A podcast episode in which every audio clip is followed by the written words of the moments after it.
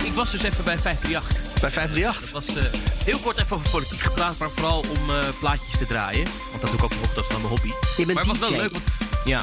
Maar dan mag je dus, eh, Ja. dan mag je dus naar buiten, hè. Dan krijg je een, eh, om, een uitnodiging van een omroep. Eh, en, dan, eh, en, een, en een eigen verklaring. En dan mag je dus naar buiten. Toen ben ik dus op vrijdagnacht, wat een beetje de partynacht van Nederland is, van Tilburg naar Hilversum gereden en weer terug. Geen agent tegengekomen. Helemaal niemand. Zat je met je verklaringen die je zo graag wilde laten zien? Ja, ik wilde eigenlijk aangehouden worden. Ik, denk, ik wil het een keer meemaken, maar het, het, het, het, het kan maar niet. Leuk. Eh, en eh, wat heb je gedraaid als muziek? Niet dat we dat hier nu gaan doen, maar stel je voor. Carnaval Ja, natuurlijk. echt, echt nou, feest en herrie. Ja, echt herrie. Dat vinden jullie niet leuk. Daar houden jullie niet van. Ik zag een fotootje op Instagram. Ja, het zag er echt heel tof uit. Heb je ook nog even BNR genoemd? Uiteraard. Uiteraard. Ja, ja, ja. ja. Het- het even, even, even ons pro- promoten. Ik, ik, ik zit er misschien dit weekend weer en dan, dan roep ik wel eventjes eh podcast. Ook de podcast, ja. Graag. Alles voor de nieuwe luisteraars. Welkom alvast als je dit hoort. Omdat je net eh, Thomas op 538 gehoord hebt. En Sophie, ik zag bij jou ook een fotootje. Was het Instagram? Nee, het was volgens mij Twitter, Sophie. Eh, met een hele grote, oude leren jas. Ja, ik ben ge- geïnterviewd door het, eh, het lokale blaadje in Amsterdam-Oost... als bewoner, met een, eh, met een oude leren jas Oh, van een een oude journalist. BNR-medewerker. En eh, ja, ik, nou ja, ik, BNR is natuurlijk ook in Amsterdam-Oost. Dus, en eh, nou ja, ik, ik ben dan een journalist uit Oost. En het ging over het boek Stilte op het Binnenhof. Nou ja, en toen eh, moest ik inderdaad eh, op mijn favoriete plek geportretteerd worden. Met eh, die vieze oude jas aan in de rubriek De Jas. Want van wie was die jas? Ja, van de, eh, de vader van de hoofdredacteur van de krant, De Brug. Dus iedereen heeft diezelfde jas aan op die fotoserie. Ja, en, en er zijn heel veel beroemde mensen uit Amsterdam-Oost... die eh ehm, oplagen 75.000, ja, ehm, in de brievenbus gratis... die die jas ook hebben aangehad. Zoals oud-collega Peter van Zadenhof van RTL. Waarschijnlijk ook La- Lara Rensen. En Vast wel, ja. Allerlei schrijvers die hier wonen. Wat leuk. Nou ja, Laat ik ons even netjes eh, introduceren aan het begin van deze podcast. Dit is Nieuwsroom Den Haag. Het is vandaag vrijdag 5 februari. Sophie van Leeuwen en ik zitten in de studio. Ik ben Mark Beekhuis. En Thomas van Groningen zit in zijn thuisstudiootje in Tilburg. Ik zeg studiootje, maar misschien is het wel heel groot. Ik heb eigenlijk geen idee. Ik ben er nog nooit geweest, Thomas. Het is, eh, ik denk, eh, 15 vierkante meter zo'n beetje. Nou, dat is voor een studio heel niet slecht. Daar zitten wij met z'n tweetjes hierin. Nee. Precies.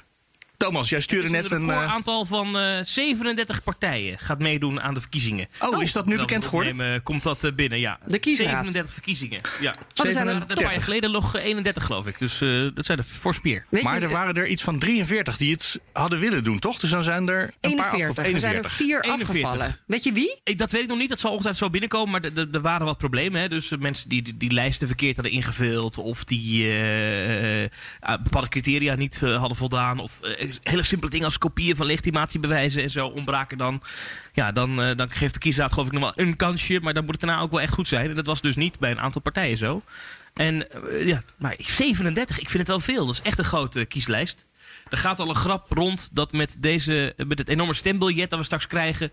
dat het straks vanzelf anderhalve meter afstand wordt in de Zo groot. Alleen al de breedte van die stemhokjes inderdaad zou anderhalve meter moeten zijn. Gewoon om het papier uit te kunnen vouwen. En dat dan midden in die derde golf, hè, half maart. En ben je dan, dan ook die 11.000 euro kwijt als je nu toch niet mee mag doen? Dat is wel een beetje flauw. Dat denk ik niet, toch? Dat, die aanbetaling, dat zou je toch wel terugkrijgen? Ja, ik hoop het maar allemaal voor ze. vragen. Moeten we allemaal... eh, Dat wordt ongetwijfeld Ja, beantwoord precies. nu. Is want breaking news. heeft nu een bijeenkomst. Midden in de eh, waarbij ze mensen bijpraten.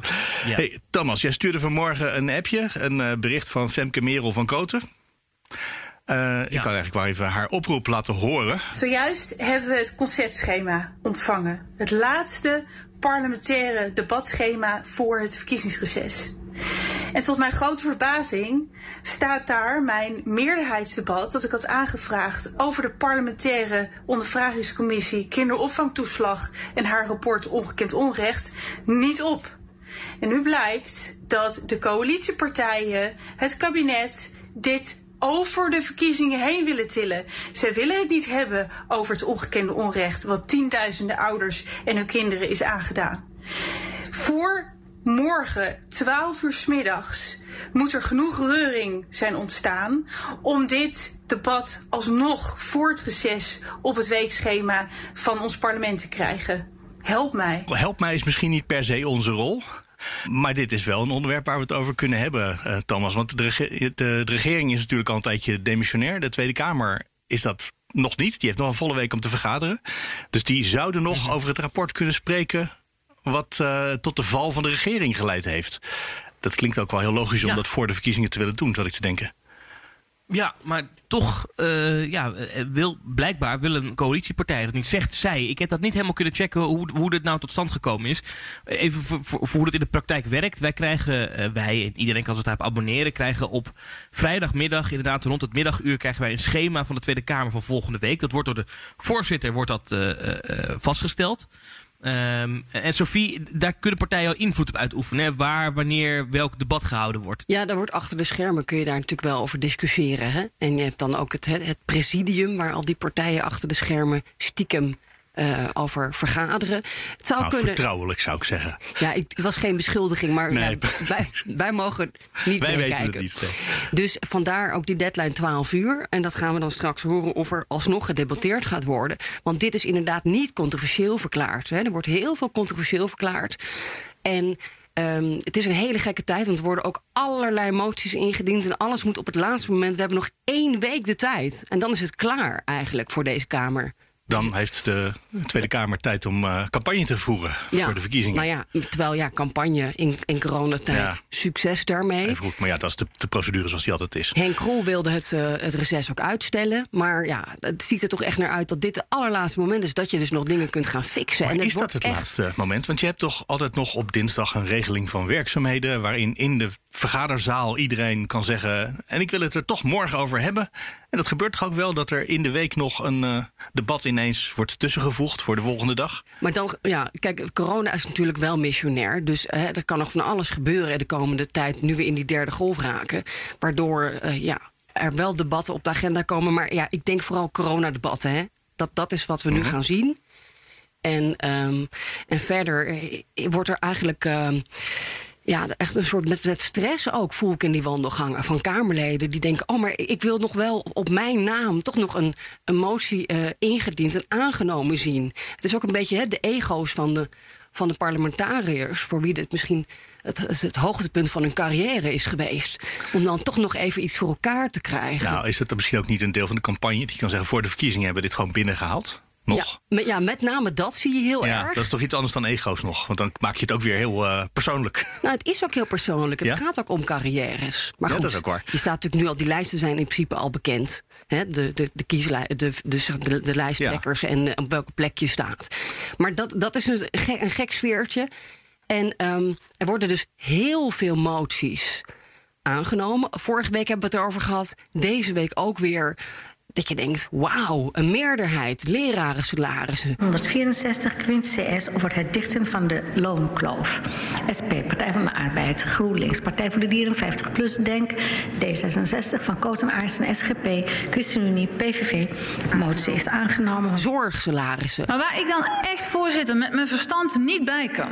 is dat dit kabinet het in haar hoofd haalt om een brief naar de Kamer te sturen waarin ze schrijft dat ze het voorstel wat hier is aangenomen om de salarissen in de zorg structureel te verhogen niet gaat uitvoeren. Sociale werkplaatsen. Zes Slootweg van Kent over middelen om de tekorten bij SW-bedrijven eenmalig aan te vullen. SP, Partij van de Arbeid, Krol, GroenLinks, Partij voor de Dieren, 50PLUS, Denk, D66 van Kotenaarsen, SGP, CDA, ChristenUnie, PVV.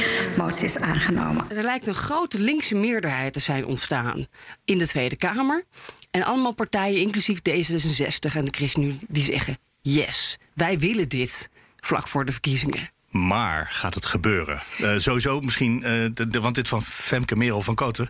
Uh, dat is natuurlijk nog maar de vraag of daar op de een of andere manier de Tweede Kamer zich onder druk gezet gaat voelen om hierover te spreken. Ja. Maar al die andere dingen, er zijn moties aangenomen van de Tweede Kamer daar heb ik ook heel wat afhoudende reacties gehoord van uh, ministers. De vraag is: moet het kabinet, het demissionaire kabinet, die uitvoeren, ja of nee? Er is nogal wat discussie over. Ja, u wilde weten of de moties die aangenomen worden, of die moeten worden uitgevoerd. Hangt er vanaf in hoeverre het onderwerp controversieel is verklaard. Dat is natuurlijk één belangrijk punt. En het andere belangrijke punt is wel: het kabinet is demissionair. En dat betekent dat we de lopende zaken afhandelen. Daar is een uitzondering gemaakt voor COVID.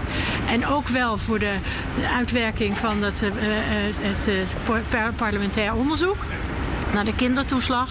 Maar voor het overige lopende zaken, ja. En dat is iedere keer beoordelen. We moeten wel zeggen, we zijn toch demissionair. Dus ja, dat betekent dat onze armslag wel wat anders is geworden dan daarvoor. Als de oppositie blij is dat we nu opeens wel de leraren salarissen kunnen verhogen... of de zorgsalarissen, of weet ik het wat, zegt u, dat is aan het volgende kabinet. Dan, zeg, dan zeggen wij inderdaad dat is aan het volgende kabinet. Want dat is een stap die je niet als lopende zaak kan behandelen. Minister Koolmees zei net ja, maar de Kamer is niet demissionair. Dus de macht ligt wel bij de Kamer op dit moment. De Kamer kan dat wel allemaal vragen. Dat is, dat, daar heeft hij gelijk in. Dat kan inderdaad, want die is inderdaad niet demissionair. En als ze vervolgens iets niet controversieel verklaren, wat ze eerst wel controversieel hebben verklaard, ook dat kan. Dus wat dat betreft is het best een beetje merkwaardige periode. Maar ik vind wel dat de, het kabinet enige bescheidenheid moet betrachten met allerlei stappen te nemen. Want we zijn wel demissionair. Dat moet je gewoon toch wel je realiseren. Anke Broekers-Knol, staatssecretaris van Justitie. Zullen we beginnen bij uh, Moria bijvoorbeeld, uh, Thomas? Stemmen, hoofdelijk stemmen van OXCS over in Europees verband pleiten voor relocatie van de 4000 alleenstaande kinderen in Griekenland en daarbij Nederlandse opvang aan te bieden aan 500 kinderen. Het woord is aan de griffier. Opzicht van Otterlo, Ouwehand, Usturk, nou ja, Moria heeft het niet gehaald. Hè. Die motie is ook niet uh, aangenomen. Voor de motie hebben 68 leden gestemd, daartegen 76. De motie is verworpen. Het gaat er om die, uh, die motie om... om uh, er zijn 4000 vluchtelingenkinderen in Europa. Die komen uit dat kamp daar, die, dat vluchtelingenkamp in Griekenland. En daarvan zegt deze motie dat er dan 500 door Nederland opgenomen zouden moeten worden. Nou, die motie heeft het niet, heeft het niet gehaald. Maar dat is makkelijk. men hoopte er wel op... Uh, aan de linkerkant van het spectrum hoopten ze er echt op dat er nu, zeker na het aftreden van het kabinet, er toch een meerderheid voor zou zijn. Maar dat was er niet. En ik sprak na afloop uh, nog eventjes Bram van Ooyik, uh, een van de mensen achter deze motie. Um, over hoe teleurgesteld hij nou eigenlijk was. Nou, heel erg jammer dat het uh, niet uh, gelukt is. We blijven het proberen. We hebben nog uh, een dag of tien voordat we met reces gaan. Maar ja, dit was een serieuze poging. Omdat partijen die tot voor kort bij de coalitie hoorden... en dus niet konden meestemmen, dat nu wel kunnen. Zoals ChristenUnie en D66. Maar het is nog niet genoeg voor een meerderheid. Hoe is de situatie nu daar in dat kamp? Nou ja, het gaat om, om, om in totaal iets van 4000 kinderen... waarvan een deel in dat kamp zit. Maar een deel is ook al overgebracht naar het vasteland. Sommigen zwerven op straat. Sommigen zitten ook weer op het vasteland in hele slechte omstandigheden. Dus uh, die kinderen zijn inmiddels op, op veel verschillende plekken. Maar op de eilanden is het het allerergst. Wat kunt u eigenlijk nog doen voor het reces? Er is niet zoveel meer mogelijk volgens mij. Nee, maar goed, kijk, we gaan toch nog eens goed kijken nu naar welke partijen hoe gestemd hebben. En ja, het is altijd zoeken naar, uh, naar nieuwe uh, bondgenoten in de strijd. Dus dat uh, zolang de Kamer nog vergadert, geef ik de strijd niet op. Zou het een verkiezingsthema moeten zijn? Nou, dat wordt het snel, omdat veel mensen natuurlijk begaan zijn met het lot van deze kinderen. En anderen juist zeggen van je moet ze absoluut niet hier naartoe halen. Dus het is een helaas erg gepolariseerde discussie. Ja, en dat soort dingen komen vaak in verkiezingstijd natuurlijk nog wat extra pregnant uh, naar voren. Dus dat zal nu niet anders zijn. Ja, en hij, hij hoopt dus dat het wel een inzet wordt bij de verkiezingen. Maar daar lijkt het niet op, want ik heb het idee dat de verkiezingen heel veel corona is gewoon op dit moment. Maar uh, ja, die linkse partijen die hopen nog dit soort thema's, zoals vluchtelingen, uh, maar ook natuurlijk ja, andere zaken, dat, dat ze die door nu allerlei moties in te dienen, denk ik Sophie, dat ze dat, dat ze dat dan nog een beetje verkiezingsinzet kunnen maken. Van kijk eens, zij stemmen tegen. Ja, absoluut. En dan hopen ze dat het volk uh, ervoor stemt dat wij toch 500 kinderen uit Moria gaan halen. Precies. Ja. Dat zie je ook uh, met, met, die salarissen natuurlijk. Um, uh, ook heel veel ja, teleurgesteld, misschien ook een beetje gespeelde teleurstelling bij de oppositie, bij de SP. Ik sprak daar ook Jasper van Dijk over. Um, dat, dat dan die motie brede kamersteun krijgt. Dit is democratie, dit gaan we uitvoeren. En dat dan het kabinet zegt: Sorry, wij zijn demissionair. Dat gaan we niet doen onderwijs, zorg, salarissen. Nog nooit zoveel steun gehad voor jullie ideeën. En het kabinet voert ze niet uit. Dat moet wel tot grote frustratie leiden binnen de fractie.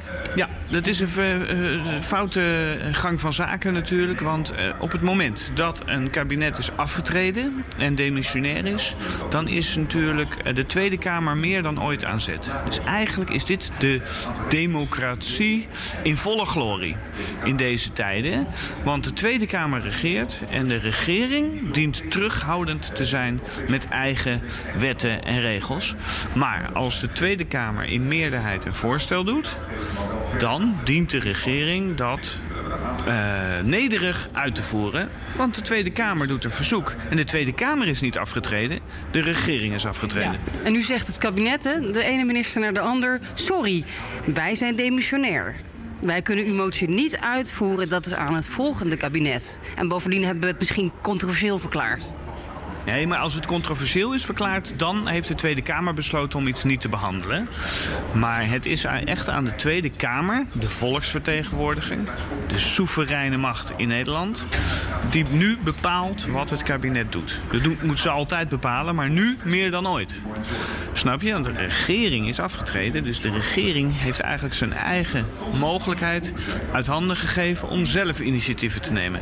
U zegt, uh, sorry, we zijn demissionair, dat is eigenlijk een smoesje van het demissionaire kabinet? Ja, dat is zeker. En, en de Kamer die dient in uh, dat soort gevallen wel eensgezind op te treden natuurlijk. En dat doe je natuurlijk door een motie in te dienen en dan te stemmen. En als de Tweede Kamer dan een duidelijk oordeel geeft en in brede zin aangeeft... hier willen we iets mee doen, dan moet de regering dat doen. Als we het hebben over salarisverhogingen, meer geld, zorg, leraren...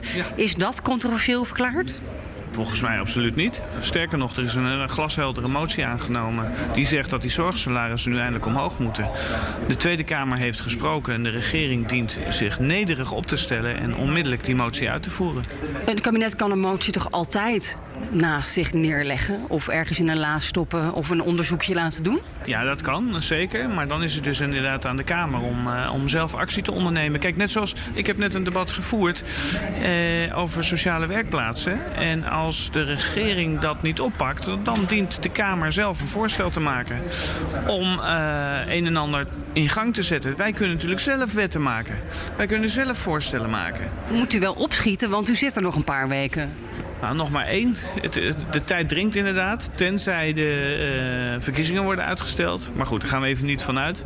Uh, dan hebben we nog één week om het een en ander te regelen. Dus u heeft gelijk, ik moet weer snel verder. Dit is niet voor de bühne. Iedereen is aan het campagne voeren. Ik hoorde uh, uw collega Quint op Twitter al roepen... halleluja, wij hebben het geregeld. Dat is toch ook een beetje gewoon verkiezingsretoriek? Nee, nee, nee, nee, nee, nee. Uh, het is een feitelijke situatie dat de Tweede Kamer een motie heeft aangenomen om die zorgsalarissen te verhogen. En dat moet nu gebeuren. Dat is democratie. De Tweede Kamer is soeverein. De regering is afgetreden. Die dient zich zeer terughoudend en gedienstig op te stellen. Iedereen kan stemmen wat hij wil. Het heeft alleen geen consequenties. Want uh, de regering doet er niks mee. Nee, en daarom is het natuurlijk ook heel erg voor de bühne wat er nu gebeurt. He, inderdaad, het is campagnetaal. Kijk, wij willen de leraren salarissen verhogen. Toen we in het kabinet zaten, ja, toen hadden, konden we het eigenlijk niet voor je regelen. Maar nu gaan we dat zogenaamd wel regelen. Terwijl diezelfde eh, ministers, eh, oh, daar zitten ook D66-ministers, ook op onderwijs bijvoorbeeld. Hè, Ingrid van Engelshoven, maar goed, dat is dan het hoger onderwijs. Die gaan het nu niet regelen in het kabinet. Die zeggen allemaal, wij zijn dimensionair we gaan dit nu niet. Dit is niet uh, wat wij nog in, in vijf weken tijd uh, erdoor gaan duwen. Dat kan niet. Wij doen alleen corona en toeslagen. Dus sorry. Nou ja, zoals die toeslagen wordt dus uh, het debat daarover wordt over de verkiezingen heen getild, hoorden we net. Ja, en ook daar hoor ik dat er, dat er toch heel veel zaken zijn die, uh, ja, die dan in de formatie worden gestopt. En, Zoals? Wat voor soort zaken? Nou, bijvoorbeeld ook de, de transparantie. Hè? Dus de, alle, de, we hebben het gehad over de Rutte-doctrine. En hoe gaan we nou uh, hè, artikel 68, de Kamer beter informeren. Om, om al die dingen uit te voeren, uh, ja, hoor je ook bij de, de RVD. Rijksvoorlichtingsdienst? Sorry, de Rijksvoorlichtingsdienst, ja. ja. we kunnen dat niet van een op de andere dag kunnen we dat waarmaken. Er moet ook gewoon misschien een, een nieuwe uh, bewindspersoon zitten op algemene zaken, of dat nou Mark Rutte weer wordt of een ander, die instructies gaat geven. En uh, vervolgens hè, moet je de boel opnieuw organiseren en, en de Kamer beter informeren. Misschien moet je extra poppetjes inhuren. daar zijn we dus nu nog niet. Dus op Ja, dit als je het moment zo gebeurt beschrijft, het niet. dan lijkt het me echt heel nuttig dat het debat volgende week toch doorgaat. Eh, want als, stel dat Mark Rutte daar terugkomt als premier, dan moet hij degene zijn die straks gaat uitleggen hoe die transparantie beter geregeld gaat worden. Ja, maar Mark, kijk, eh, eh, eh, de, de regeringspartij is natuurlijk alles aangelegen om het niet al te uitgebreid over de toeslagenaffaire te hebben op dit moment. Want dat is natuurlijk vlak voor de verkiezingen niet echt een lekker thema. Dus ja, ik snap wel dat zij proberen dat debat de- tegen te houden. Dat is niet gek. Is Eh, ja, logisch. ik sprak iemand die zei dat we af en toe eh, wat cynisch zijn. Dus ik snap helemaal wat je zegt, maar ik ga het nu niet bevestigen. Want dat, zou, dat is cynisch natuurlijk. Nou ja, goed, sterker Nou, nog, het is niet cynisch. Het is toch een, het is een logische analyse volgens mij. Het is niet Ja, ja, cynisch ja. Nou ja, maar dat je zegt, we, de- wij zijn van de regering en we hebben het liever niet over onze tekortkomingen. Ja, dat is begrijpelijk. Maar dat is natuurlijk dat is ook wel cynisch dat je zegt, daar willen ze het niet over hebben. Terwijl het Nou, gaat en over is- transparantie en verantwoording afleggen. Nou ja, kijk, dit is natuurlijk wel, eh, als we hem even omdraaien, is natuurlijk wel een hele logische aanleiding om het wel te hebben over eh, de situatie bij de Belastingdienst en de toeslagenaffaire. Zeker ook als we morgen dan weer het FD weten te koppen dat binnen de Belastingdienst eh, er heel veel gedoe is. Hè. Ambtenaren die zien al die berichtgeving in de laatste tijd over de toeslagenaffaire en die voelen zich echt een beetje in. In hun hemd gezet door, door de twee staatssecretarissen... die daar de boel eh, op orde moeten brengen. Eh, eh, het is dan Hans Velbrief, de, de, de staatssecretaris... die het in een hoorzitting heeft over die tent. Ja, die dus zegt ze daar niet mee associeert. Zegt, nee, zij zijn de Belastingdienst. nou, ik, zal, ik heb de krant hier liggen ja. toevallig. Laat ik een chatbericht, en gewoon een tekstje uit een van de chats bij de Belastingdienst van je voorlezen. Ik denk dan, een anonieme ambtenaar dit, ik denk dan, hoeveel messen krijgen we nog in de rug gestoken? Hoe ver worden we nog afgebrand door de politiek? En dan is er tegelijkertijd de- deze week eh, eh, aangifte gedaan tegen premier Rutte... als een van de hoofdverantwoordelijken in dit verhaal... door 80 ouders of meer. Ehm, dus ja, dat is natuurlijk inderdaad wel een heel pijnlijk verhaal... vlak voor de verkiezing om daar nog eens uitgebreid over te gaan debatteren. maar het gaat ook niet weg. Dat merk je aan dit soort artikelen in de krant. Aan eh, dat soort aangiftes, eh, die natuurlijk toch ook gewoon nieuwswaardig zijn. Daar, wordt, daar blijft over gesproken worden de komende En Mark, weken. Mag ik je meenemen naar het einde van het artikel in het Financieel Dagblad? Dat is namelijk iets wat mij afgelopen week ook opviel. En eh, wat, wat misschien in de toekomst na de verkiezingen ineens dan wel eens een, een thema kan worden. In het laatste stukje van het artikel gaat het over eh, de fraude signaleringsvoorziening. Hè. Dat is de, die, de- al die software bij elkaar die ervoor zorgt dat mensen misschien gesignaleerd worden als fraudeur door de Belastingdienst. Nou, daar is van alles mis met die software. Dat blijkt uit de toeslagenaffaire. Er zijn mensen om verkeerde redenen als fraudeur aangemerkt door die software. Ook omdat ze bijvoorbeeld eh, eh, door de dubbele nationaliteit op die lijst zijn gezet. Nou, dat is natuurlijk allemaal heel fout. Dat kan niet. Maar de Kamer wil dat iedereen die in die signalering zit, dat die een melding krijgt van u bent gesignaleerd als fraudeur. En wat ik interessant vind aan dit stuk is dat dan blijkt dat binnen de Belastingdienst daar mensen nogal van schrikken. Want er is in een bijzin wel een keer gezegd, eh, ook in, in, in, dat overleg in de Kamer, van ja, dan kunnen ook echte fraudeurs mogelijk een berichtje krijgen dat ze op die lijst staan. En, maar binnen de Belastingdienst eh, zeggen mensen nu, Nederland fraudeland wordt geen strobreed in de weg gelegd. Ehm, en en eh, iemand binnen de Belastingdienst noemt het zelfs de zelfdestructie van onze dienst. Dat is een, eh, daarmee komt een veel groter maatschappelijk belang in gedrang. En dat speelt nu binnen de Belastingdienst. En, Ja, dat is natuurlijk de strijd die voor een stuk verklaart waarom de oplossing van het probleem zo traag en zo moeilijk gaat. Omdat er niet binnen die hele grote organisatie één opvatting is. Aan de andere kant. Het lijkt me wel iets waar de Kamer nog wel iets van moet vinden. En dat je, als je dat pas in de, in de, in de formatie gaat doen, nou dat is over zes weken. En dat, dat, ja, dat duurt dan eh, negen maanden of zo. Eer Nou. dat je een nieuw kabinet hebt, zit je misschien wel in de zomer. Dan, zijn, dan heeft de Belastingdienst maandenlang geen idee wat ze moeten doen met mensen die op een fraudelijst staan. Sommigen terecht, sommigen onterecht. Ja, en daar Dat bleek, is wel een lastig verhaal. bleek deze week ook, er is over gedebatteerd in de Kamer. Dus dat er nog veel meer mensen dan alleen die toeslagenaffaire eh, op fraudelijsten staan. Het is een echt een massaal probleem op allerlei andere domeinen ook. Eh, dus dit, dit is groot. Daar moet ook geld voor komen. En ik denk dat hier ook gewoon als er een nieuwe Tweede Kamer zit, na de verkiezingen, zeg maar de dag na 17 maart, dat dat dan ook wel zal worden opgepakt, eerlijk gezegd. Het moet wel haast. Ja. Dat moet wel. Ja, van een van die eerdere fraudelijsten weten we natuurlijk dat daar 94% van de mensen die daarop stonden, dat de Belastingdienst geen idee meer heeft waarom precies. Uh, gewoon omdat die administratie er niet is, omdat ze het nooit hebben opgeschreven misschien. Uh, voor een deel misschien dat die mensen er terecht op staan, maar dat kan de Belastingdienst helemaal niet achterhalen. En dus de tekst in de brief van uh, de staatssecretaris hierover was: 94% staat ten onrechte, met de kennis van u, ten onrechte op die fraudelijst. Dus dan heb je inderdaad 6% mensen die straks een waarschuwing krijgen. U bent als fraudeur aangemerkt. Ja, dat is misschien met een schandaal van deze omvang wel iets waar je wat, ja, nou, die, dat risico kan ik me wel voorstellen dat, dat de Tweede Kamer dat wil nemen. Ja, en dan heb je natuurlijk ook een Tweede Kamer zonder regeerakkoord. Hè, tijdens die formatie, die daar wel, wel degelijk uh, op kan gaan beuken, zeg maar. Hè? Want er, er, is natuurlijk wel brede verontwaardiging hierover. Ja. Kijk, voor ons als pers zou het uh, wel prettig zijn om dat debat nog even te hebben komende week. Omdat er dan toch weer wat meer antwoorden komen op vragen die die we hebben. Dus ik, ik denk, uh, los van of je nou wel of, wel of, niet, hoe je in die affaire staat, ik denk dat het misschien wel goed is qua openheid om hier nog even over te debatteren voor ja. nou ja. de Tweede Kamer op met reces gaat. Hoe lossen we dit op? Dat, dat vooral. nou, wij gaan het niet oplossen. Laten we dat vooral niet proberen te doen. nee. Ook opmerkelijk trouwens in de hele de, de demissionaire toestand waar we nu zitten, is dus de nieuwe liefdes die ontstaan in het, uh, in het, het parlement, hè, dat dus niet demissionair is, uh, in de aanloop naar de verkiezingen. En dan zie ja? je dus de... Normaal zijn er altijd van die discussies wie sluiten elkaar uit, maar nu gebeurt het tegenovergestelde alvast. Wie doet het, wie met, doet het met wie? Ja. en heel opvallend deze week is het, uh, dat de SP het met het CDA doet. Of de, het CDA doet het met de SP. En dat ging dan over een motie over de sociale werkplaatsen. Hè, want daar moet ook wel meer geld heen, vindt, vindt de linkse oppositie. CDA Hè, de christelijke partij, die doet daar nu ook aan mee. En uh, ik vroeg daar ook even naar in de wandelgangen: van goh, uh, uh, willen jullie zo graag met elkaar regeren? Want we hebben die stikstofdeal gehad, hè, een poosje geleden. SP wil. Uh, ook hier geworden en misschien de macht grijpen. Ja, dat lijkt er toch wel echt van te gaan komen, als je hen gelooft. Nou, ik moet zeggen dat ik buitengewoon plezierig samenwerk met het CDA. Ik heb uh, een, een, initiatiefnota gemaakt met de heer Peters van het CDA... voor de wederopstanding van de sociale werkplaats. Ik heb net een motie ingediend met mevrouw van Torenburg... om 11.000 mensen alsnog een paspoort te geven... omdat ze die eerder niet kregen. ja, ik kan het niet ontkennen. Het samen, de met het het CDA is uitermate plezierig. Nee, dat staat los van uh, de verkiezingen. Dat, dat komt omdat CDA en SP uiteindelijk een grote ideologische overeenkomst hebben. Namelijk het geloof in de gemeenschap. In die zin zijn wij geen VVD en geen D66. Dat zijn natuurlijk liberale partijen die gaan uit van individuen. CDA en SP gaan uit van de gemeenschap, van de samenwerking, van uh, uh, collectieve initiatieven. Dus laat dat uh, vooral flink doorbloeien. Zie jij ook uh, mooie liefdes ontstaan, Thomas?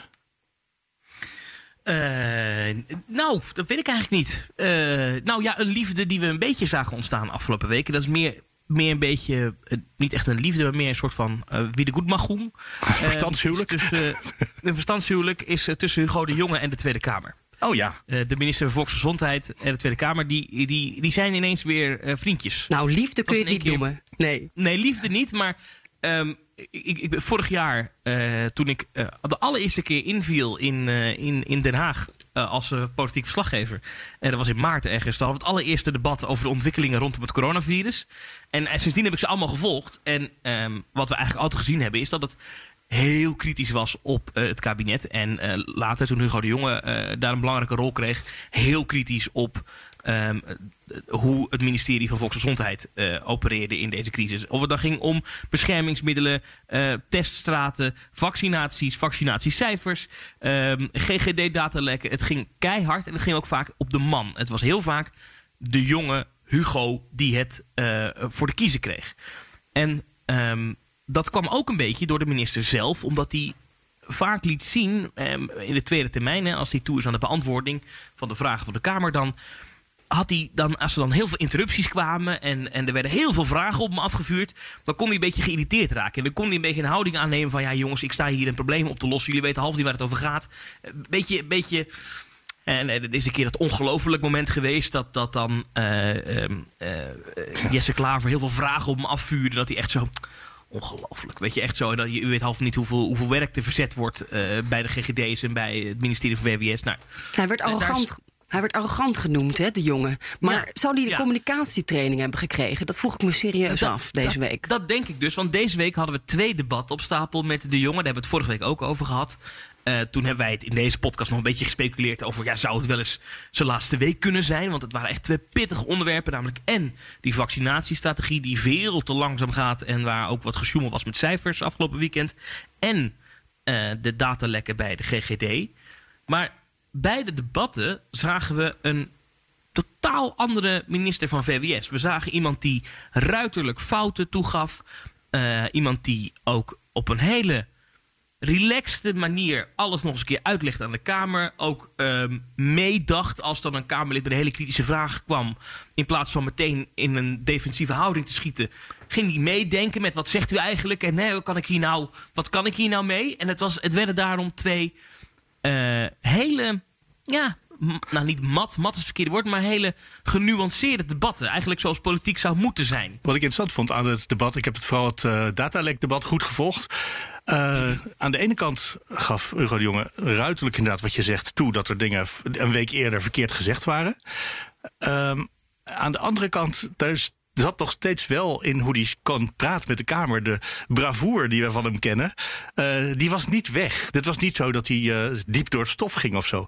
Het was meestal als iemand terugkomt wat hij eerder heeft moeten zeggen, dan, eh, dan zie je dat. Nou, ik heb inderdaad de Kamer vorige week verkeerd geïnformeerd, ik zal het nooit meer doen. En dan zie je ze altijd een beetje voorovergebogen de Kamer toespreken. Daar was dan weer geen sprake van. En sterker, eh, toen er een motie werd ingediend waarin werd gezegd dat de Kamer verkeerd was geïnformeerd, zei hij: Deze moet ik u ontraden, want ik heb het vandaag alleen maar beter uitgelegd dan vorige week. Ik heb u niet verkeerd geïnformeerd vorige week. Dan eh, geef ik nu het woord aan de heer Azarkan Mamensdenk. De Kamer wordt op raadslag. Constateert dat de minister tijdens het vragenuurtje op dinsdag 26 januari 2021 aantoonbare Kamer verkeerd heeft geïnformeerd. Verzoekt de minister voortaan eerst uit te zoeken hoe het echt zit en de juiste kennis op te doen. En daarna pas de Kamer juist en volledig te informeren. Zodat hij zichzelf niet achteraf hoeft te corrigeren en gaat over tot de orde van de dag. Ja, ik moest het ook even... Ja, dat is mooi hè? Nou, dat weet ik niet, maar goed. Motie nummer 6. Ehm, daar, die ga ik ontraden, omdat de constatering denk ik geen recht doet aan het debat dat we hebben gehad. Namelijk dat ik de Kamer verkeerd heb geïnformeerd. Ik had dingen anders moeten zeggen, beter moeten zeggen. Dat is iets anders, dat onjuist informeren. En vervolgens eh, is het in, in het dictum denk ik gewoon niet meer dan datgene wat er al in de grondwet staat. Namelijk dat ik de Kamer goed moet informeren. En dat doe ik uiteraard. En als ik dat onverhoopt niet goed genoeg heb gedaan, dan kom ik daar graag altijd op terug. Dan motie nummer 7. Dus het was niet heel diep door het stof en toch heeft hij ergens de, con- het contact met de Kamer wel herwonnen. Ja, dat is toch knap. Daarbij speelt wel mee, denk ik, ook de publieke opinie afgelopen week. Dat is nadat afgelopen. eh, Wij hebben daar ook een rol in gespeeld als podcast, maar ook als BNR, maar ook de kranten. Afgelopen week was het in Nederland massaal alle ballen op Hugo de Jonge. Ik heb zelf ook afgelopen vrijdag bij de persconferentie natuurlijk eh, een soort van discussietje gehad met, eh, met de premier over kan Hugo de Jonge dit nog wel aan. Eh, de premier werd daar een beetje kribbig eh, om, om die vraag. Ehm, Ja. maar Hugo de Jonge is niet het probleem, zei de premier. dat, dat zei hij toen, ja. Ehm, maar dat heeft denk ik ook wel iets met de publieke opinie gedaan. Van ja, jongens, kom op. Hey, we zitten in een enorme crisis. En iedereen is deze man aan het aanvallen. Die doet ook maar gewoon zijn best. Eh, en ik denk dat dat ook een rol heeft gespeeld in de Kamer. Dat ook, ook partijen inzagen, ja... We hebben hier eigenlijk niet zo heel veel meer aan te winnen om eh, maar in te blijven hakken op Hugo de Jonge. Geeft die man ook een beetje ademruimte. En nou, dat, zou ik dat- zeggen, we hebben bij BNR ook best wel wat mailtjes gekregen in de afgelopen week. Ook voor deze podcast van vorige week. Dat we iets te hard inhakten op eh, Hugo de Jonge. Dus dat eh, sentiment onder de luisteraars herken ik ook volledig. Ik heb ze allemaal netjes teruggemaild dat ze waarschijnlijk wel gelijk hebben. Ja, en dat, Ook wij hand in eigen boezem. Ja, nou, ik, ik heb eh, subtiele woorden in de categorie zoals Hugo de Jonge die ook gebruikt heeft. Van, eh, ik, snap, ik snap wel wat de mensen gehoord hebben. Dat bedoel ik te zeggen. Tegelijkertijd laat dit ook zien hè, dat er eh, die voormalige coalitie, het is die nu in de Kamer allemaal moties, onmogelijke moties die niet worden uitgevoerd, dat aan het indienen zijn. Dat daar wel degelijk op corona, hè, ze zijn missionair, en dat ze daar wel degelijk aan elkaar vasthouden. Ook eh, D66 die Kees eh, Verhoeven naar het debat stuurde. ehm, eh, echt niet uit op de val van de jongen. En achter de schermen werd Kees Verhoeven, gezegd... want niet de fractievoorzitter. Ja, dus een vertrekkend Kamerlid. Ja. Echt niet uit op de val van de jongen, maar die gewoon zeggen: wij willen door met het crisisbeleid en we zijn niet gebaat bij een aftredende minister of nog meer chaos. Dus daar houdt de coalitie. Toch hè, vast aan elkaar. Uh, aan, aan, ja, als team, zeg maar. Zit, zit dat, dat demissionaire kabinet zit daar nog eigenlijk wel uh, best wel stevig hè, de komende weken. Zullen we het gaan hebben over corona? Dat is het thema waar we het eigenlijk in elk gesprek in deze podcast in het, jaar, het hele jaar altijd over hebben. Het speelt altijd overal door, doorheen. Uh, wat hebben we deze week gehad? Uh, ja, Nou ja, wat natuurlijk ook gisteren een bom onder het debat was. Hè, het coronadebat met de jongen en Rutte. Was de, de voorspelling van, van Jaap van Dissel. Dat we dus echt in die derde golf terechtkomen. Waardoor je eigenlijk ja, geen enkele kant meer uit, uh, uit kunt. Dit, je kunt het kabinet wel bekritiseren en uh, in discrediet brengen, maar iedereen is het erover eens dat we een groot probleem hebben. En uh, dat we desnoods Sputnik-vaccins uit Rusland moeten laten, uh, laten bezorgen. Zelfs de VVD, Klaas Dijkhoff, die is het daarmee eens. Dat scherpt ook weer een soort van ver, verbond in het, in het parlement. Liever een Russische spuit dan op de IC aan een beademingsbuis. Ja. De, de, dreiging komt van buiten. En wat daar ook bij speelt is natuurlijk dat, dat het echt gaat om een buitenlandse variant die nieuw is. Dus dat is echt een nieuwe ontwikkeling die we eigenlijk niet hadden kunnen voorkomen. Die we niet hadden. Dat had misschien, ja, als je heel ver door analyseert, misschien wel als we een hele andere strategie hadden gekozen. Maar in principe hadden we dat niet kunnen voorkomen. Dat een nieuwe mutant op zou staan. die zich sneller kan verspreiden en besmettelijker is en noem maar op.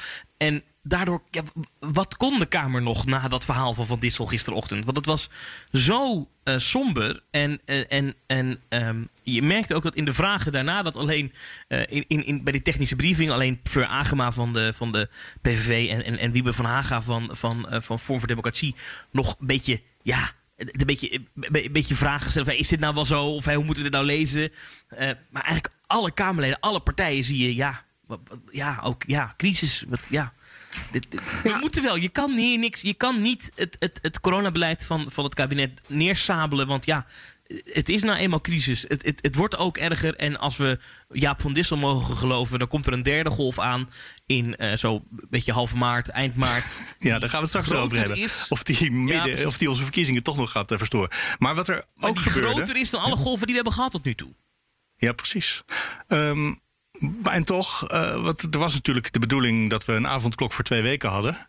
En daar was wat discussie over of dat wel verstandig was om daarmee te stoppen. Zo uh, aan de vooravond van die derde golf. En daar is wel beweging gekomen. Ook nadat er kritiek kwam op dat uh, voorgenomen besluit, is mijn idee. Mijn indruk. Ja. Ja, dit was een interessante week wat dat betreft. Dinsdag was natuurlijk een persconferentie. En maandag hadden Sofie en ik nog even contact. En Sofie en ik hadden allebei geluiden gehoord in de, in de, in de wandelgangen.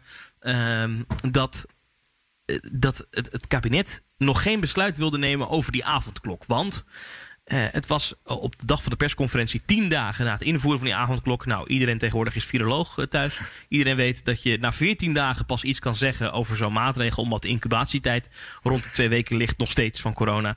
Dus ja, heeft het al zin om daar nu over te oordelen.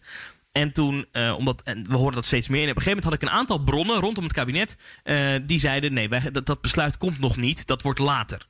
Dus we hadden dat bij BNR gebracht. Uh, op hoofdmaandagmiddag. met op de website een artikel en ook een pushmelding. Hè. Dat doen we in de media. Dus als je dan onze BNR-app hebt, download hem vooral. Dan krijg je zo'n pling op je telefoon met nieuws. Avondklokbesluit valt nog niet van deze week. Of valt later deze week pas. In plaats van morgen in die persconferentie. En ik weet nog dat ik ophang met, met, met de man bij BNR die verantwoordelijk is voor die meldingen. En pling, mijn telefoon gaat af en ik krijg een, een pushmelding van uh, de collega's van NRC. En die melden precies het tegenovergestelde. Namelijk, avondklok wordt geschrapt, besluit is al genomen, wordt morgenavond bekendgemaakt in een persconferentie. En ik, dan ik, raak je natuurlijk een beetje... ik zal even word je dan heel zenuwachtig? Sophie? Ja, ik werd heel zenuwachtig, ja. Ik kreeg een appje van jou op dat moment, Thomas. En ja, ik, uh, met dus die link en ik, ja, ik moet eigenlijk, dat is een beetje een scheldwoord. Maar ik, ik zal hem even chips. Stilte. ja, ik dacht echt, wat gebeurt hier? Uh, dus ik moet even weer bellen met de mensen die ik had gesproken. Die zeiden, nee, nee, ja, nee, dit verhaal klopt gewoon. Dit is het gewoon. Dus ja, ik weet niet, ik weet niet wie hun bronnen zijn. Maar ik heb inmiddels uh, uh, een beetje rondgebeld. En ik kan nu wel een aardige reconstructie maken van hoe dat gegaan is. En hoe je uiteindelijk gelijk bleek te krijgen. Dat is ook wel een belangrijk detail. Ja, nou, uh, ik denk namelijk dat, dat, dat wat NRC die middag schreef ook klopte. Dat op dat moment het kabinet daadwerkelijk dacht... dit gaat hem niet worden. Wij stoppen met die avondklok. Komt dat niet gewoon uit coalitiebronnen of zo? Want wij, wij ik. hoorden hele andere dingen. Het, het, was, het was gewoon politiek gespin in de wandelgangen. Dat denk ik. En wat, wat ik denk dat er gebeurt is dat inderdaad in de coalitie is afgesproken... we gaan die avondklok niet verlengen. Het ligt te politiek gevoelig. Maar dat de bewindspersonen zelf nog eh, dat nog niet wilden besluiten. Alleen die avond was er het veiligheidsberaad. Voor einde van de middag is dat tegenwoordig vanwege de avondklok. En daar kwamen de burgemeesters bijeen. En daar was onder andere Abu Taleb. En ik heb daar ook, dat kan ik even laten horen, want dat is wel aardig. Eh, burgemeester Abu Taleb, die, ehm, die hebben we gevraagd toen hij binnenkwam met alle journalisten stonden omheen van nou ja, wat vindt u nou eigenlijk van die versoepelingen? En hij was daar eigenlijk niet zo blij mee, want hij twijfelde ook aan het motief van eh, de politiek achter die versoepeling. Nou, v- eh, in zijn algemeenheid vind ik dat je kunt gaan versoepelen als daar ook inzichten zijn die met zich meebrengen dat dat kan. Dat dat, eh, ehm, waar ik, wat ik lastig zou vinden, ik- zeg niet dat het zo is, maar dat zoiets gebeurt onder politieke druk, ehm, dan heb ik daar wat minder vrede mee. Maar als echt de wetenschappelijke inzichten, deskundigen zeggen het kan, het is verantwoord, we kunnen die kant op, ja, dan, eh, dan luister ik daar even naar. Wetenschap staat wat mij betreft hier boven de politieke inzicht. Politieke druk. Daarmee doelt hij ook natuurlijk op, eh, op de heropening van de basisscholen. Dat was dat weekend een enorme discussie geweest. En was er wat discussie, is het OMT niet te veel onder druk gezet om eh, die keuze te maken om die basisscholen te heropenen. Maar toen vroeg ik me ook van ja, oké, maar die avondklok, want wij horen dat die eh, waarschijnlijk eh, dat het besluit nog niet genomen wordt. Maar er zijn ook media die melden dat het besluit wel genomen is, dat ze het morgenavond bekendmaken. Vindt u dat verstandig dat als die niet verder gaat, dat je dat morgenavond dan al bekend maakt? Want ja, wie houdt zich nog aan een maatregel waarvan je weet dat die afgeschaft wordt? Nou ja, dat is dan vers 2. Dat is dus goed nadenken over de uitvoering. Wanneer kondig je zoiets aan? Al stel, zelfs als je dat van oordeel bent, dan wanneer kondig je zoiets aan? Want anders ondergraaf je misschien vroegtijdig zo'n maatregel. Dat zou kunnen. Maar nogmaals, ik ben nog niet zo ver. Nee, dan zegt hij, ik ben nog niet zo ver. En ik heb later mensen gesproken die bij dat overleg waren. En daar begrijp ik toch dat de burgemeesters van de grote steden daar hebben gezegd... ja, wacht even.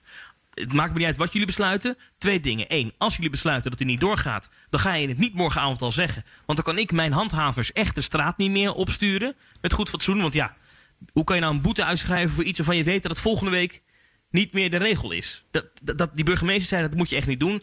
En ze hebben daar ook blijkbaar het punt gemaakt... eh, dat eh, als die stopt, die avondklok... dat ze wat hun betreft dat die niet meer terug kan komen. Omdat dat aan hun handhavers en politiemensen niet uit te leggen is. Dus de ene week moet je een boete wel schrijven voor iets... dan weer de week niet en dan weer de week wel. En... eh, Kijk, ik weet niet hoe groot de invloed van burgemeesters is, maar ik kan me voorstellen dat dat invloed heeft gehad, die avond nog, op de keuze van het kabinet om de dag erna bekend te maken: gaan we die avondklok nou wel of niet verlengen? En daarom hebben ze dat niet gezegd. En later in de week kwam Jaap van Dissel met zijn, eh, met zijn ja, pittige boodschap: die derde golf wordt groter dan we dachten. En ja, dan. En, en dan ineens draait de Kamer. En dan ineens eigenlijk- is het CDA voor. Dan ineens is D66 voor. En dan wordt die avondklok verlengd. Ja, maar eigenlijk, Thomas, zou het dus best kunnen zijn dat de regering wel degelijk heeft besloten om eh, de avondklok niet te verlengen. Maar dat ze alleen de mededeling, onder druk of onder invloed van de burgemeesters, een weekje hebben uitgesteld. Zodat we dat op de dag van tevoren horen. Morgenavond mag u weer naar buiten. Ik heb dit gevraagd aan mensen die het kunnen weten. Die zeiden dat zou misschien wel eens kunnen kloppen. Kijk, eigenlijk is het al lang besloten. Eigenlijk is het al lang besloten. En ehm, eh, volgens mij eh, woensdagochtend bij ons op zender draaide D66 al door te zeggen verlengen. Die moordicus tegen waren. Gisteren in de Kamer, VVD, CDA, iedereen wil de avondklok nu opeens verlengen. OMT wil het. Maar ja, Rutte moet wel naar het OMT kunnen wijzen, hè? Want het kan niet zo zijn dat hij degene is die onze vrijheden Oh, maar dat, jij zegt nu het tegenovergestelde van wat ik net aan Thomas voorlegde en wat hij instemt. Dus of ik heb dat onhandig geformuleerd. Nee, Want dat nou, is- kijk, dat is wat, wat Sofie nu zegt is stap 2. Dus daarna is inderdaad D66 gedraaid. Er zijn meer partijen gedraaid. En is nu het, ge- eh, het gevoel in Politiek Den Haag ineens... we moeten die avondklok verlengen. Maar maandag, en ik denk echt dat dat klopt... toen wij melden, die avondklok, dat besluit wordt later doorgeschoven... dat klopte naar de buitenwereld toe. Maar wat NRC had gemeld, namelijk het kabinet wil af van de avondklok vanaf 10 februari, dat klopte op maandagmiddag echt nog. Dus het besluit is waarschijnlijk achter de schermen echt genomen, we gaan niet door. Alleen onder druk van de burgemeester s'avonds en later eh, onder druk van de epidemiologie, hè, bleek dat het toch erger was dan we dachten, is heel politiek Den Haag gedraaid en is ineens eh, de neus weer richting de avondklok moet verlengd worden. Dus het is een gekke situatie geweest maandagmiddag. Journalistiek gezien heel interessant. Dat wij melden A en NRC meldt B. En we hadden achteraf gezien waarschijnlijk allebei gelijk. Ja, en uiteindelijk gaat de Tweede Kamer er helemaal niet over. Hè? Dit gaat via die noodtoestandwet. Dus. Ze doen er niet meer toe. Daar mag toch de mensen Kamer achteraf eh, nee over zeggen en dan wordt het weer ingetrokken? De COVID-wet. Maar dat is dit, de COVID-wet. dit zit niet in de COVID-wet. Oh, dit gaat gewoon puur en alleen via. eh, dit is gewoon de puur regering. macht weet je, van Grapperhaus. En dit is ook interessant, mochten ze het nou verlengen, dat kunnen ze in theorie kan eh, ehm, eh, de, het kabinet dat de dag ervoor, dus bijvoorbeeld op 9 februari nog beslissen, dat die vanaf 10 februari verlengd wordt. Dat kunnen zij gewoon doen. En dan komt er een, een, koninklijk besluit en er is een hele regeling voor. En dan kan de Tweede Kamer moet dan achteraf kan dan nog instemmen met die wet. Eh, maar dus eh, het kabinet kan hem gewoon verlengen. Maar daar moet later de Tweede Kamer nog wel voor zijn. Dan moeten ze wel zeker weten dat de Tweede Kamer daar niet enorm over valt nog. Dus dan zullen ze achter de scherm wel even een rondje Ja, bellen. bij want die gaan er wel D66, voorstemmen. eh, bij D66 hebben ze toch zich bedacht dat ze de onderwijspartij zijn. We zitten in de campagne. Dat dat toch wel belangrijk is dat die scholen open kunnen. En eh, dat gaat volgende week gebeuren. Nou, kijk naar die grafieken van Van Dissel. Gisteren in zijn technische briefing. De piek zit half maart. Ik denk dat die avondklok nog wel eens tot half maart zou kunnen duren. Jij niet, Thomas? dat, ik, ik ben daar wel eh, bang voor. Ik vind voorspellingen doen moeilijk. Maar wat je wel ziet in, ehm, in, in de sheets die eh, Jaap van Dissel, van de scenario's die hij heeft laten zien. Daar zijn eh, drie maatregelpakketten eigenlijk doorgelicht. Eén maatregelpakket is je doet niks. De andere is je hebt alle maatregelen zoals je nu hebt, inclusief avondklok. En je hebt alle maatregelen zonder die avondklok. En, of met het openen van die basisscholen, sorry. En ehm, daar zit zo'n groot, gro- groot verschil in dat je je kan voorstellen dat je ja, eh, ze zeggen wel eens in het kabinet: je hebt geen eh, catalogus waar je maatregelen uit kan kiezen. waarbij precies staat wat wat doet. Eh, dus we weten het ook niet zeker wat het effect is van die avondklok. Maar ja, als je die scenario's een beetje ziet, dan, is het, dan lijkt het verstandig om zoveel mogelijk maatregelen in ieder geval in place te houden. Waaronder dus die avondklok. Eh, eh, formeel wordt dat waarschijnlijk pas eh, dit weekend eh, bekendgemaakt. Eh, of dan is het besloten. Uitgelekt. En dan zal het, dan zal het waarschijnlijk. ik Dit wordt vermoed voor als het besloten wordt. Wordt dit uitlekt. dit weekend uitgelekt? Ja, Nee, ja zo zou je eh, het kunnen zeggen. ik- gisteren hebben we nog even na het, na het coronadebat nog even gevraagd aan eh, de jongen. Wanneer ja, lekken jullie officieel, eh, eh, eh, nou ja, officieel dinsdag pas, hè, want dan komt het kabinet Ja. helemaal bij elkaar. Maar eh, ja, dat besluit wordt natuurlijk wel eerder genomen. Dat, dat zei hij dan niet, maar dat vul ik even in. Ja, maar als de avondklok, Sophie, tot aan 17 maart door blijft gaan, hè, half maart had je het net over. Dat is de dag dat we verkiezingen hebben, of een van de drie. 17 maart. Ja. Eh, kan, kan dat dan wel doorgaan? Ja, ik, eh, ik heb daar zelf grote vraagtekens bij. Als je nou, eh, als je die, volgens die grafieken dus eh, je IC's nog voller liggen dan in de eerste golf, ga je dan op dat moment met z'n allen stemmen? Wanneer moet dat besloten worden? Eind deze maand komt Alongeren met een definitief Dus twee weken besluit. voor de verkiezingen zo'n beetje, misschien drie. Ja, zoiets. Dus ja, ik heb daar persoonlijk wel vraagtekens bij. Moet je niet gewoon uitstellen? Ehm, dan kun je je voorstellen dat het voor iemand als de VVD Rutte. eh, dat het heel gunstig is om in het hart van de crisis te gaan stemmen. Want dat is, dat is goed voor de VVD. Dan zullen zij, denk ik, veruit de grootste partij worden. Je zou kunnen denken, eh, de andere partijen eh, zouden er baat bij hebben dat het naar juni wordt opgeschoven. Als we weer een beetje uit Je de maakt het crisis heel erg zitten. politiek meteen. Maar gewoon qua gezondheid is het natuurlijk ook wel fijn als we, het niet, als we niet stemmen en elkaar in de stemhokjes allemaal besmetten. Ja, blijkbaar zijn sommige stemhokjes ook niet, eh, niet, niet ruim genoeg om, om op anderhalve meter te kunnen stemmen en werken. En waar, kan- waar haal je al die vrijwilligers vandaan, juist in deze periode, terwijl we nog niet zijn ingeënt? Dus ehm, ik heb wel eventjes zitten appen vanochtend van jongens, eh, eh, hebben jullie belang om het uit te stellen? Eh, moeten we dit nou wel doen? Wat ik nu hoor is dat het wel doorgaat. Dat alles erop eh, eh, wordt ingezet gewoon, zo- om op 17 maart te gaan stemmen. Want wat gebeurt er? niet hoe. Nee, maar wat gebeurt er nou als de verkiezingen niet doorgaan? Want de regering is misschien al een tijdje demissionair. Maar de Tweede Kamer is dan ook al met reces. Komen die allemaal weer terug? Wordt de regering dan weer missionair in afwachting van verkiezingen over een half jaar of zo? Ja, dan, krijgt Henk, dan krijgt Henk Krol misschien toch gelijk. Hè? Dan dat we dan toch weer uit het reces gaan. En dan weer een nieuw reces vanaf eind mei. Ja, zou, ja, zou het echt zo werken? Nou ja, weet je, eh het reces is bedoeld, dat zei Ariep ook gisteren in de Kamer, hè, om, om, om- voor de campagne. Ja. Nou, als er geen campagne is. Kan je weer terug aan het werk? En dan, Nou ja, dan maandenlang nee. campagne is- online te voeren, dat is natuurlijk waardeloos. Dus dan gaan we misschien weer uit het reces. En dan kunnen we toch weer debatteren over al die belangrijke moties en toeslagenaffaire. Nou ja, dat kan ook met een nieuwe Kamer, hè? Ja, dat zal sowieso met de nieuwe Kamer gebeuren. Ja. Maar dat betekent wel uitstel van heel veel belangrijke beslissingen. En dat zou slecht nieuws zijn. Grote hervormingen op de arbeidsmarkt, eh, belastinghervormingen, pensioen. Dat zou toch een slecht verhaal zijn, uitstel. ik denk dat we er zo'n beetje zijn. Gaan jullie vandaag nog leuke dingen doen? Eh, Thomas, Den Haag zometeen. Hè? Je bent nu in Tilburg op afstand, maar uh, straks lekker naar Den Haag. Uh, ja, naar Den Haag zometeen, zometeen de uitloop van de, de, de ministerraad. Hè, wat daar besloten is. En dan zal ongetwijfeld gaan we de jongen even vragen wat hij nou doet met het advies van de Gezondheidsraad. Die gisteren zei dat AstraZeneca-vaccin, wat we nu hebben gepland voor de medewerkers in de langdurige zorg dat zou je eigenlijk moeten geven aan mensen tussen de 60 en 65 jaar. Nou, daar eh, moet hij ook nog wel wat van vinden, de vaccinatiestrategie. Daar gaan we vermoedelijk vanmiddag wel meer van horen. Ja, ik begrijp dat jij een uurtje of vier bij het ministerie van Volksgezondheid moet zijn, Thomas. Krijg jij net de agenda doorgemaild? Je moet een sprintje trekken van eh, de ministerraad, de persconferentie en dan meteen door naar Hugo de Jonge. Succes! Ja, wat, wat, en, en, en wat daarbij heel interessant is, is als die er inderdaad voor kiest om dat, die prik niet te geven aan die medewerkers die langdurige zorg.